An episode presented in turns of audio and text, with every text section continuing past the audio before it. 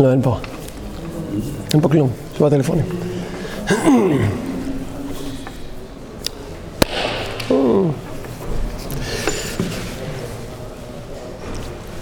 אמרנו חירות, לפני כן אמרנו חירות.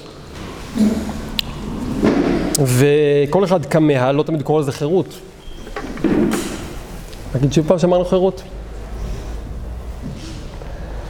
כל אחד רוצה. שזה כל כך הרבה ביטויים, אבל כדאי באמת אולי להתבונן אפילו, כל אחד בעצמו. בסופו של דבר חנוכה הרי מופיע בתוך ימי החול, זה דבר שכל כך מודגש גם בכוונות. זה מה שמיוחד בחנוכה, שזה האור של שבת, כמו שהמנתה מדבר על זה, נר שבת, נר חנוכה, אמר את זה הרי דיבורים שאמר לפני פטירתו. ככה הארי אומר, כל הסיפור של חנוכה מופיע במסכת שבת, זה נר שבתי שמופיע בתוך ימות החול. אז צריכים להתבונן בימות החול, כי שם נמצא מפתח של הסיפור של חנוכה. בימות החול האלה קורה דבר מאוד מעניין, אדם בימות החול הוא אדם של ימות החול, לא אדם של שבת, כן? מי זה אדם של ימות החול? אדם של קרבות, של מאבקים, של ניצחונות פה ושם. זה נכון להגיד גם שחירות זה גם הנפילות של אדם מגיע מרצון לחירות? כן, בהחלט. גם הנפילות מגיעות רצון לחירות, כמו שאמרנו לפני כן, זה הרמה הכי בסיסית של חירות, של להיות, אה, להיטמע בתרבות ששולטת. כן, וכמו שאמרנו, פשוט זה התרבות ששולטת. אני רוצה להיות אה, כמו כולם, אני רוצה גם כן לקבל, לקחת ממנו מוכן, לא רוצה להיאבק על משהו שהוא, שאני יודע בליבי פנימה שהוא נכון, אני פשוט, עזוב. זה, זה, זה הטריגר לכל הנפילות הרי.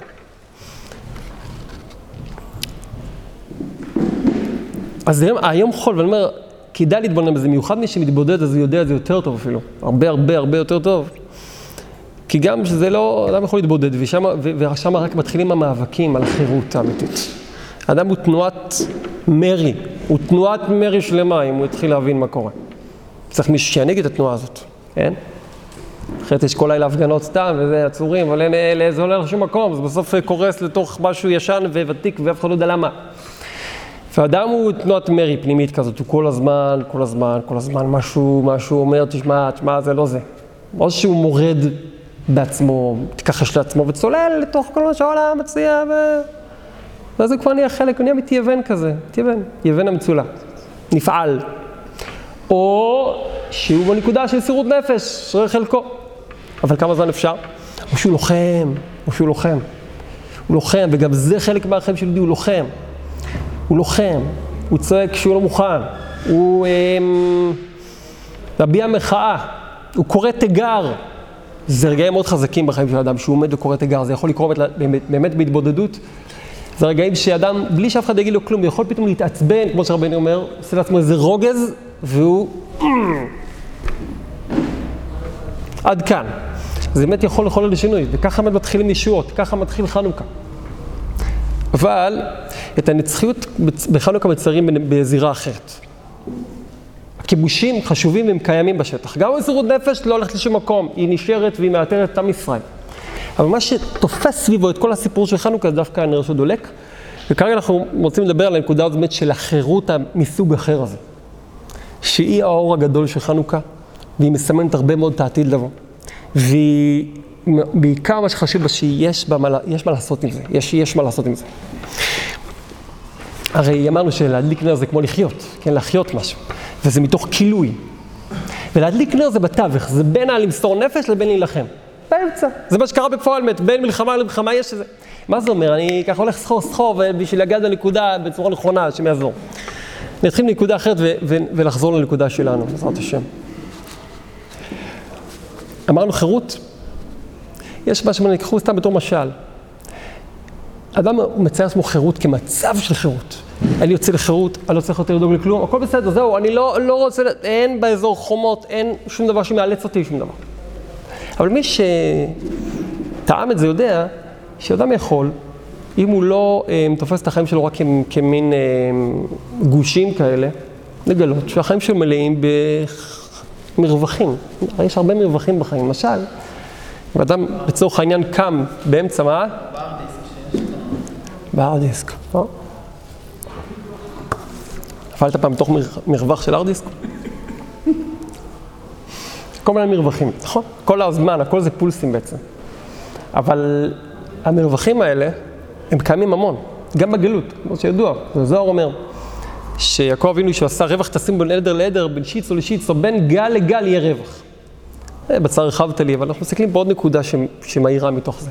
אתה קם באיזה שעת לילה, אה? שתיים בלילה, אתה לא רגיל לשעה הזאת. יש משהו מאוד מעניין בשעה הזאת. כל שעה אחרת ביום, יש משרד כלשהו שפתוח. או שאתה רוצה משהו מהמשרד הזה, שהמשרד הזה רוצה משהו ממך, כן? יש הרבה אנשים ערים, או שאתה רוצה משהו מהם, או שרוצים משהו ממך. יש שעות מאוחרות מספיק ומוקדמות מספיק בלילה, שקוראים לזה שעות הקטנות של הלילה משום מה, שהשעות הקטנות האלה הן מרווח זמן. זה לא יום שלישי, ליום רביעי. זה משהו כזה, יש בו אפילו משהו, מישהו, מישהו, מישהו הולך וסופר לעשות, בטח כל אחד עשה את זה, התבודד אפילו באיזה מקום שבו אנשים ערים בה, בדרך כלל, ביער. ביער זה המקום העיקרי להתבודד, אבל אם אדם מתבודד עכשיו ברחוב, לצורך העניין אפילו עשה עבודה גדולה, וזו באמת עצה טובה למי שרוצה לנצח פעם בזירה שבה הוא נתקל ביום, אתה הולך שם בלילה. המדרכות כבר גמרו לפלוט את כל התלונות שלהם על האנשים שדרכו עליהם. אתה יודע, יש כל זמן שאתה יודע, יש אחרי, ב-12, תכלה רגל בשוק, אתה עוד שומע את הקווץ' של הרגל בשוק. אחד, שתיים. המדרכות כבר, אתה יודע, כבר יש שקט כזה. בחלונות לא שום כלום. שעה. האלה שקיימים מוקדם לחלק את הלחם עדיין לא קיימים ברוך השם שנמצאים בכביש בין העירוני לפני שנכנסו לתוך העיר, עדיין בנסיעות הארוכות האלה. זה זמן מת.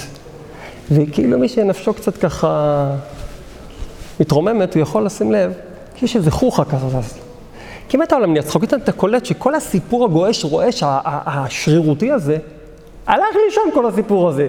אתה מבין, אתה כאילו, היה פה משרד, אנשים, אומרים לך, תקשיב, אין מה... פתאום אתה רואה, כולם ישנים, אתם לא רציניים חבר'ה, מה קורה? איפה את... אתם לא שומעים על היקום.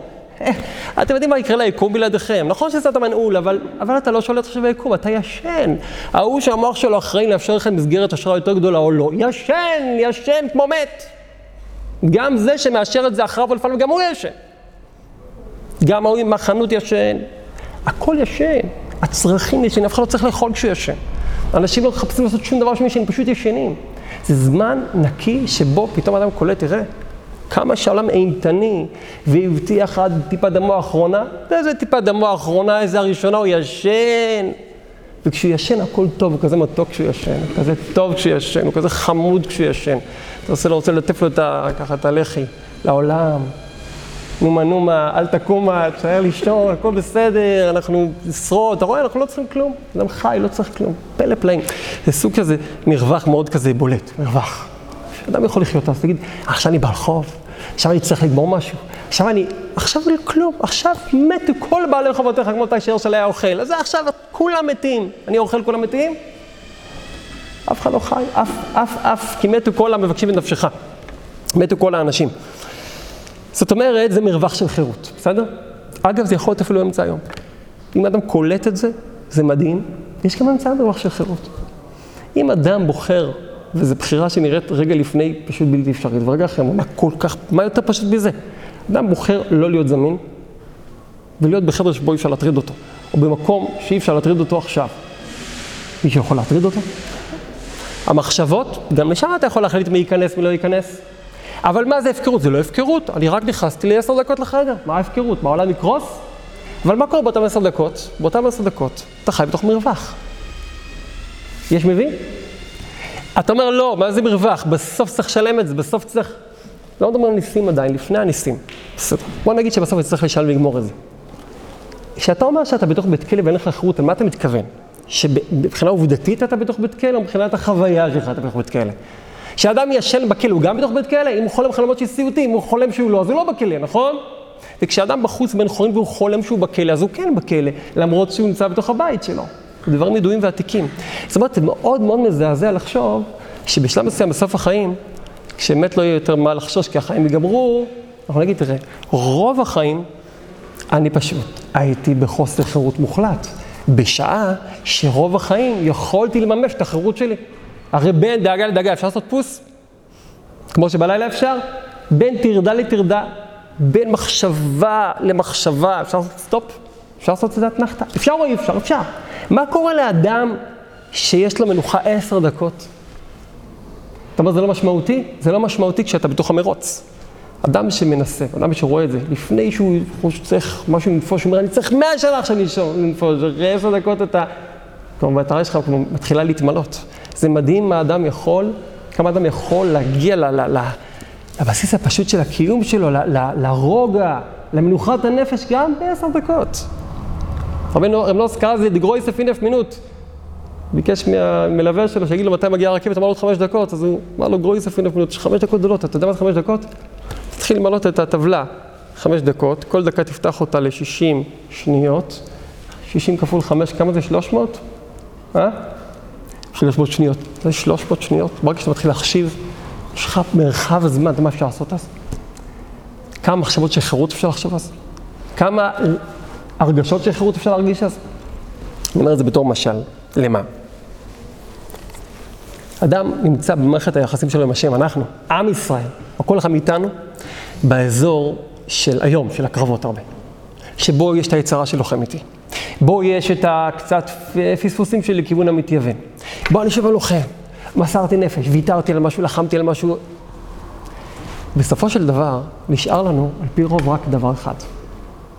שטח קרבות, אדמה חרוכה.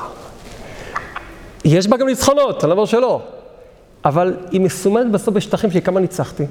איפה צבעתי את, ה, את הצבע של הדגל שלי? היום בשעה הזאת, ככה עשיתי, ככה ניצחתי, ככה עשיתי, וזה חלק מהיהדות, הוא חלק חשוב ביהדות. אבל רק זה אנחנו מכירים. ובלי להסביר, אני רוצה רגע ללכת לציור אחר, ואחר כך ננסה להבין אותו. מה קורה כשיהודי באמצע, אני אומר שוב פעם, התבודדות, כי זה הזמן שבו אפשר להכניס את כל מה שרק אפשר להעלות על הדעת. גמרתי לעצמי חשבון נפש, הוא דיבר עם השם, פתאום הוא עושה, רגע, סטופ, שנייה. דיברתי על זה ודיברתי על זה. ודיברתי על זה, הפסדתי, ופה עזרת לי ריבונו של עולם, פה פספסתי. וזה הוא עושה אחרי שהוא כבר התקומם, היום או שלשום או לפני שנה, ואמר, אני לא מוכן יותר, אני רוצה קשר עם השם. ונוצר לו קשר עם השם. מובן, בסדר, אנחנו מדברים, מבינים את השפה. או...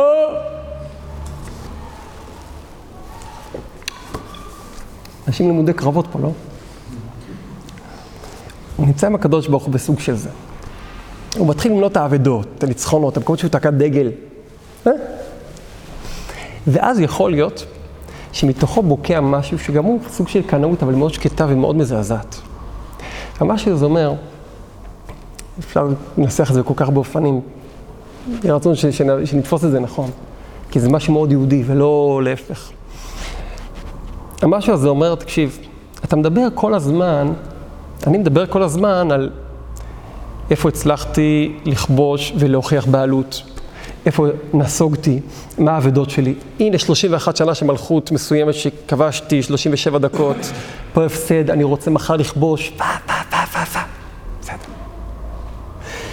אבל מה שצועק לי עם בטן האדמה, משהו מאוד נצחי, שאומר, תקשיב, לא המצאתי אני את הסיפור הזה. אני גם כנראה לסגור את הסיפור הזה, ניתן לי חוליה בשושלת מאוד מאוד ארוכה.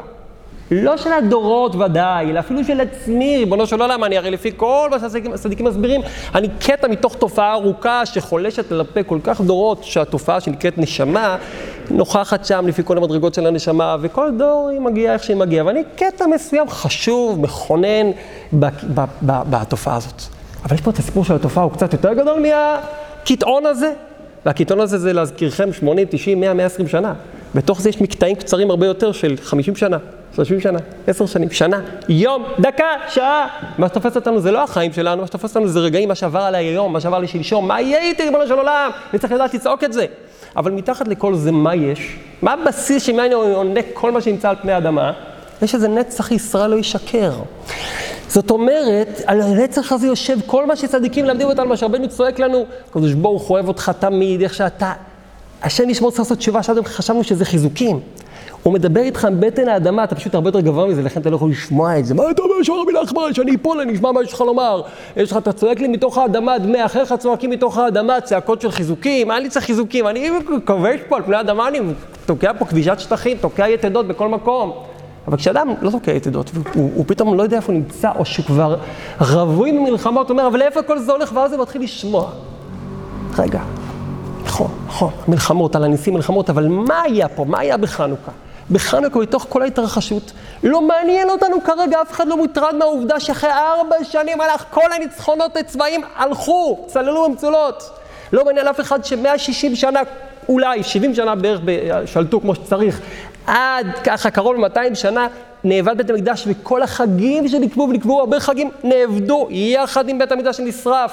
לא מעניין אותנו שהצאצאים של החשמונאים הגדולים והגיבורים והצדיקים הרגו אחד את השני ולחמו אחד את השני, ודאגו להפליל אחד את השני אצל היוונים ולגרום לעצמם לטבוע?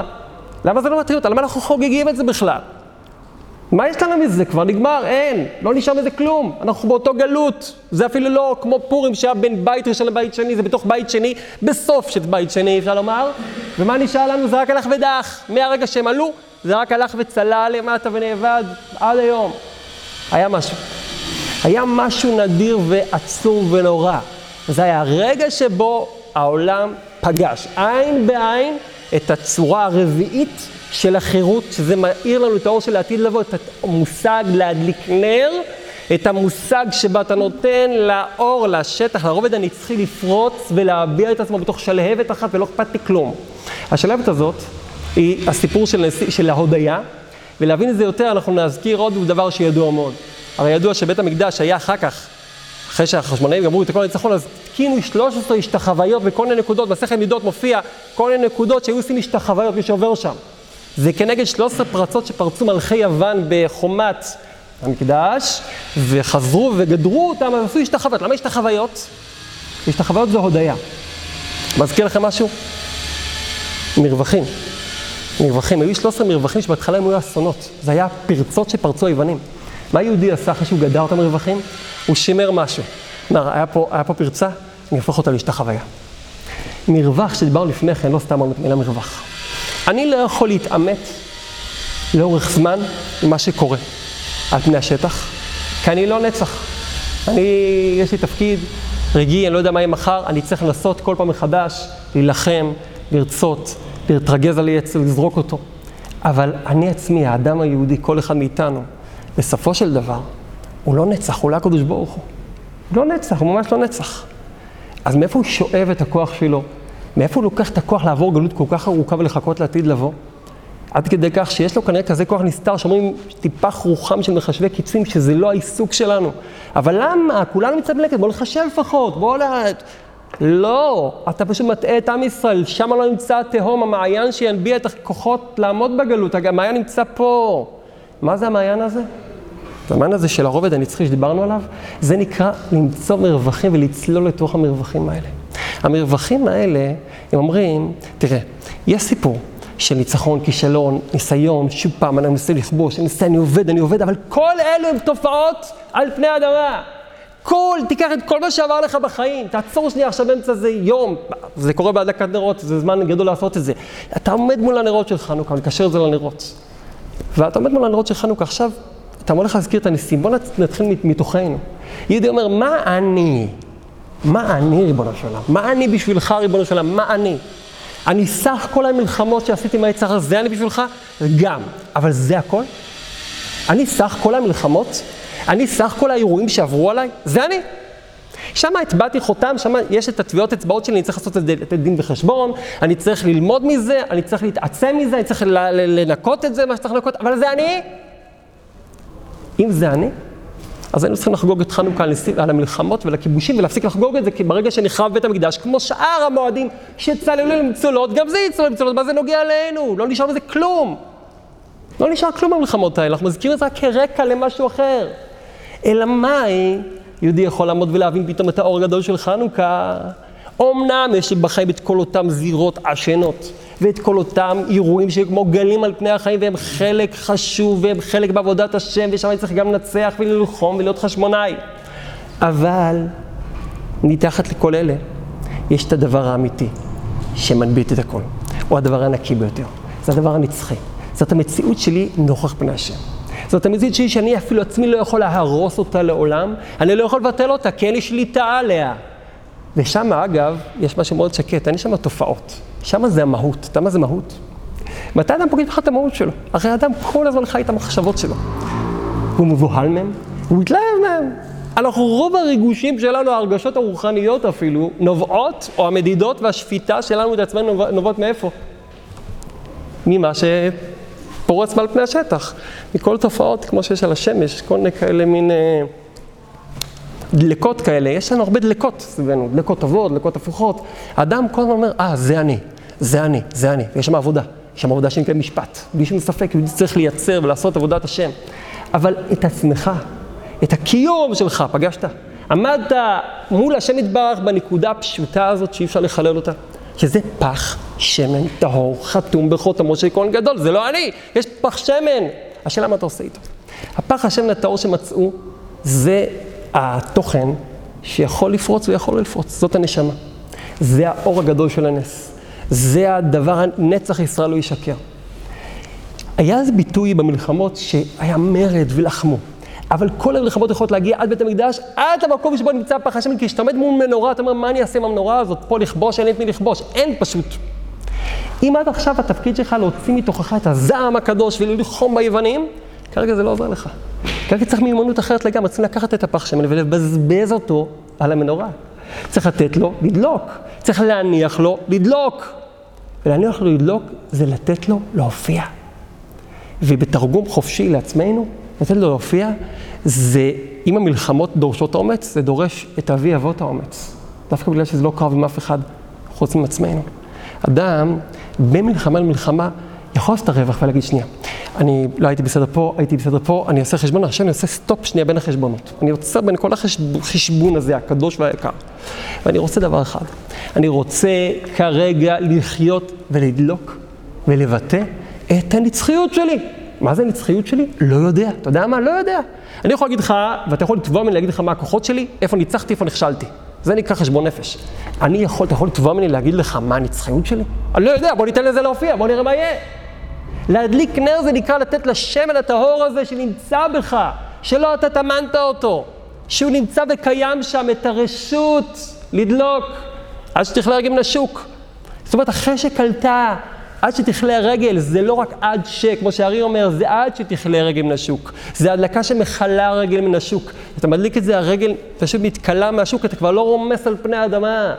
ההרגלים כבר לא נמצאים בתוך השוק הזה, שזה כל העולמות החיצוניים. עכשיו זה כבר שפה אחרת, זו שפה של הודיה, זה נקרא השתחוויה. מה זה הודיה? זה מרווחים. למה אדם לא מודה? הוא לא מודה מכיוון שהוא שקוע בקרב הבא. הוא אומר, מה אני יודע? בוא נראה מה יהיה בקרב הבא, בוא נראה מה יהיה. לא יודע אם זה יישאר הניצחון, מה אני יודע? אולי זה לא יצליח, בוא נראה מה יהיה. הוא שקוע, מקסימום אומר, תראה מה עשיתי, תראה מה יהיה. לא יודע. מה זה הודיה? הודיה זה בעצם השתקעות במרווח. כרגע, אחרי הנס, מה הבנת? שהשם איתך. שהשם איתך בכל אופן. מה הבנת? שאתה חשוב לו, שאתה חשוב לו בכל אופן. כמה ינקת את התפיסה הזאת? כמה שקעת במצולות התפיסה היקרה והקדושה הזאת? זה האור של חנוכה. זה תיקרא חירות רביעית. זאת חירות, כל החירויות הן הרצון לפרוץ, לתת לדבר הפנימי הנעלם הזה ביטוי. או שאדם מפסיד את הדבר, מאוחר את נשמתו, השם ישמור, ומחפש את הדבר החיצוני ושוגה, וגם זה קורה. או שהאדם מוסר את נפשו, הוא מתאפק, הוא מוותר, הוא מוסר נפש, או שהאדם כועס ומבטא עצמו במלחמה, ולבטא עצמו במלחמה זה מוגבל מאוד, כי גם אי אפשר להנציח את זה בלי סוף, וגם זה לא שלמות של ביטוי החירות. זה חירות כל עוד אני לוחם גרילה שפשוט אה, שם מטעני חבלה לצבא שלה, לצבא המאורגן, וכל פספוס שלו נחשב כמבוכה גדולה מאוד, ולי ניצחון גדול, למרות שבסך הכל הפלתי לו חצי רכבת מהמסילה ויש לו עוד אלפי רכבות. אבל זה דבר גדול, כי ככה אתה בעצם תובע בעלות, ואתה יכול לפחות לממש את עצמך כל עוד אתה לוחם, אתה פרטיזן דקדושה. אבל יש מקום, וזה מה שבעיקר חסר לנו היום, וזה לא מדובר מספיק.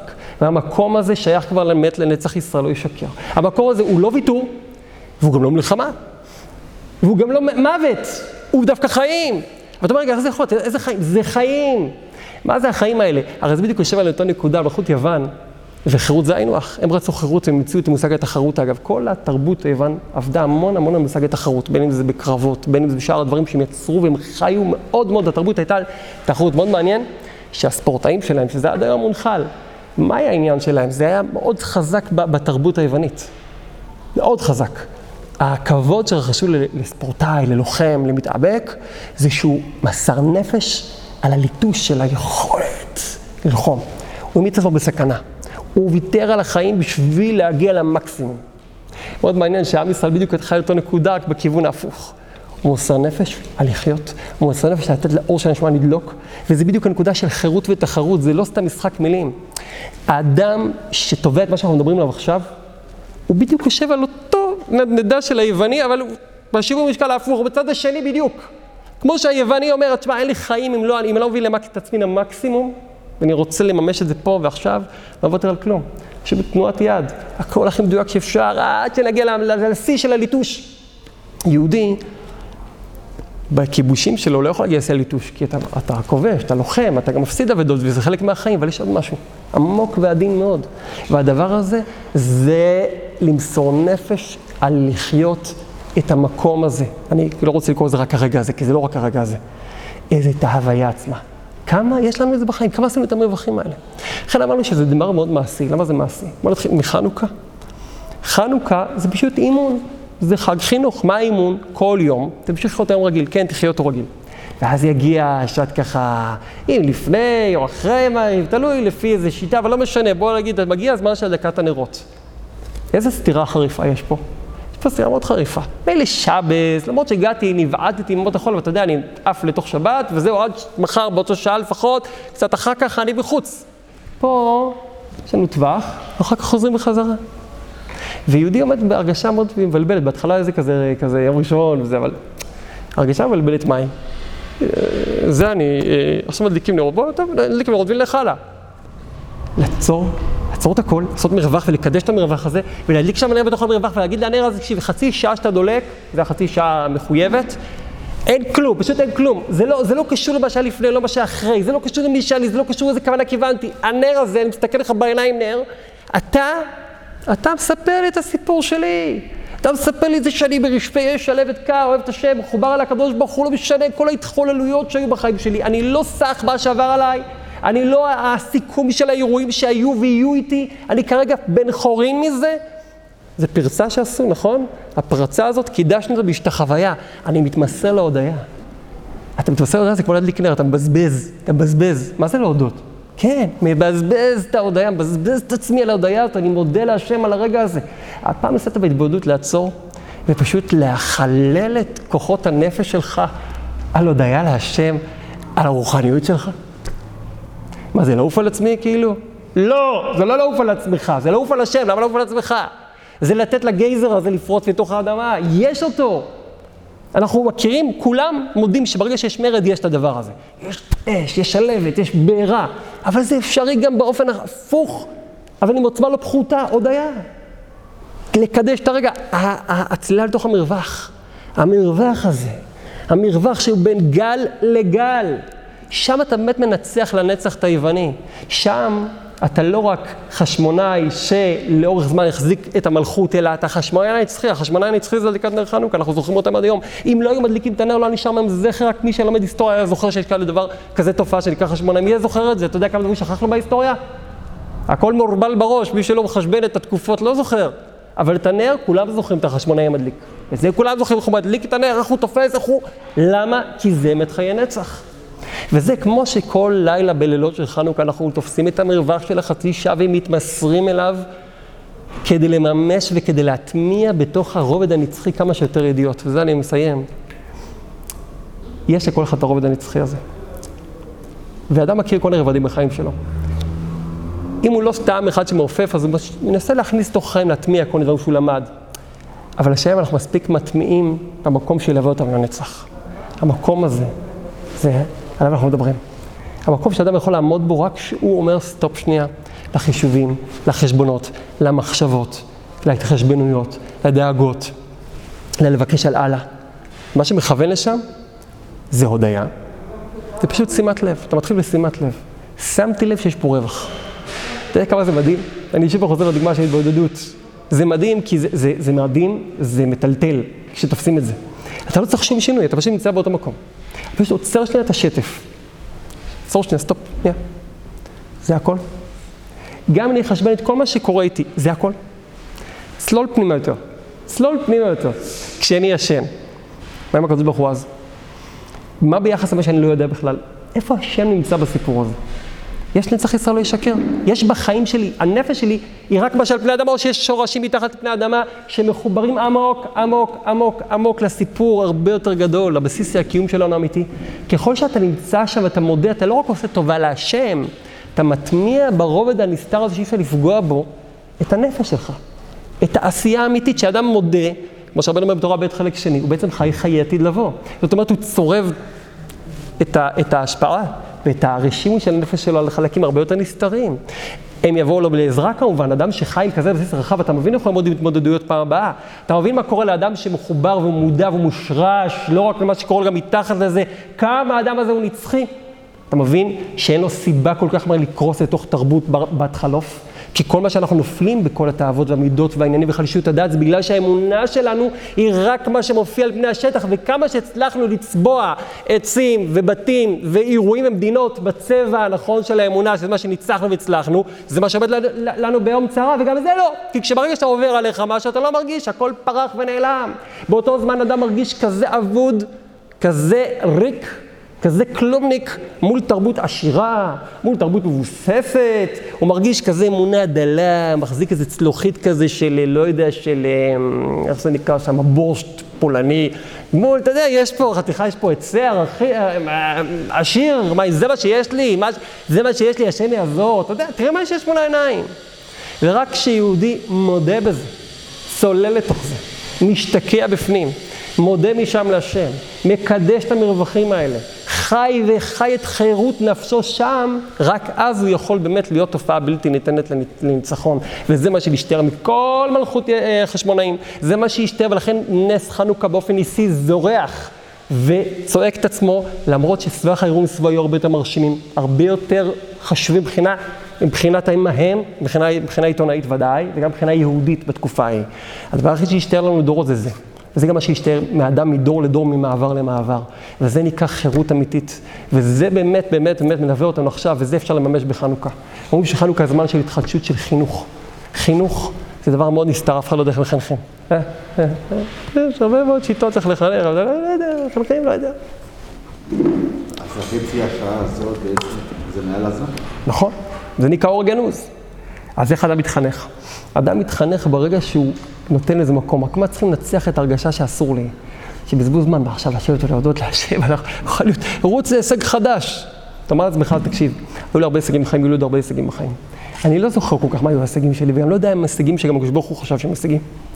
דבר אחד אני יודע, כשאני מקדיש את עצמי להודות להשם על, על מה שהשם איתי, כשאני מקדיש את עצמי לנשום ולשאוף פנימה את הקיום הנצחי בעיני השם, מתוך מטרה להתחייב לתורה והכל, בלי, לא כדי לרוץ לעוף בעולמות העליונים ובריק. חלילה. אז אני יודע דבר אחד, עכשיו אני עם השם, עכשיו אני נצח ישראל לא ישקר.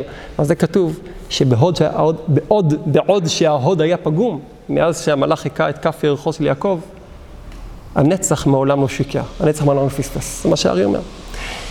בא מתתיהו ותיקן גם את ההוד. איך הוא תיקן את ההוד? רק לשמונה ימים. איך? הוא הקרין עליו אור גדול של בחינת נצח כביכול. הוא המשיך לאור הרבה יותר ממה שהיה פעם אפשר לדמיין שאפשר להמשיך לשם, הוא המשיך את האור של כל הייחודים העליונים לתוך ההוד, והוא נתן לו כוח שמונה ימים, ולכן כתוב שאז האמונה בת חורין. האמונה בדרך כלל תלויה בדעת, בשמונת ימי חנוכה זה שמונה ימים שבהם האמונה היא בת חורין, יש לה עצמאות מוחלטת. זה המצב שבו יהודי נותן לנקודת אמונה להתפרץ בהתבודדות, להתפרץ בקשר עם השם, להתפרץ תוך כדי תפילה, ולכן בכוונה השאירו את שחס רגיל כדי שיתפרץ וזה על הניסים כזה, וזה ההלל כזה, ותשאר רגיל, לא, לא, הכל בסדר, תשאר רגיל. אבל, אתה יודע, זה יתפרץ בפנים ויקבע נוכחות לעצמו.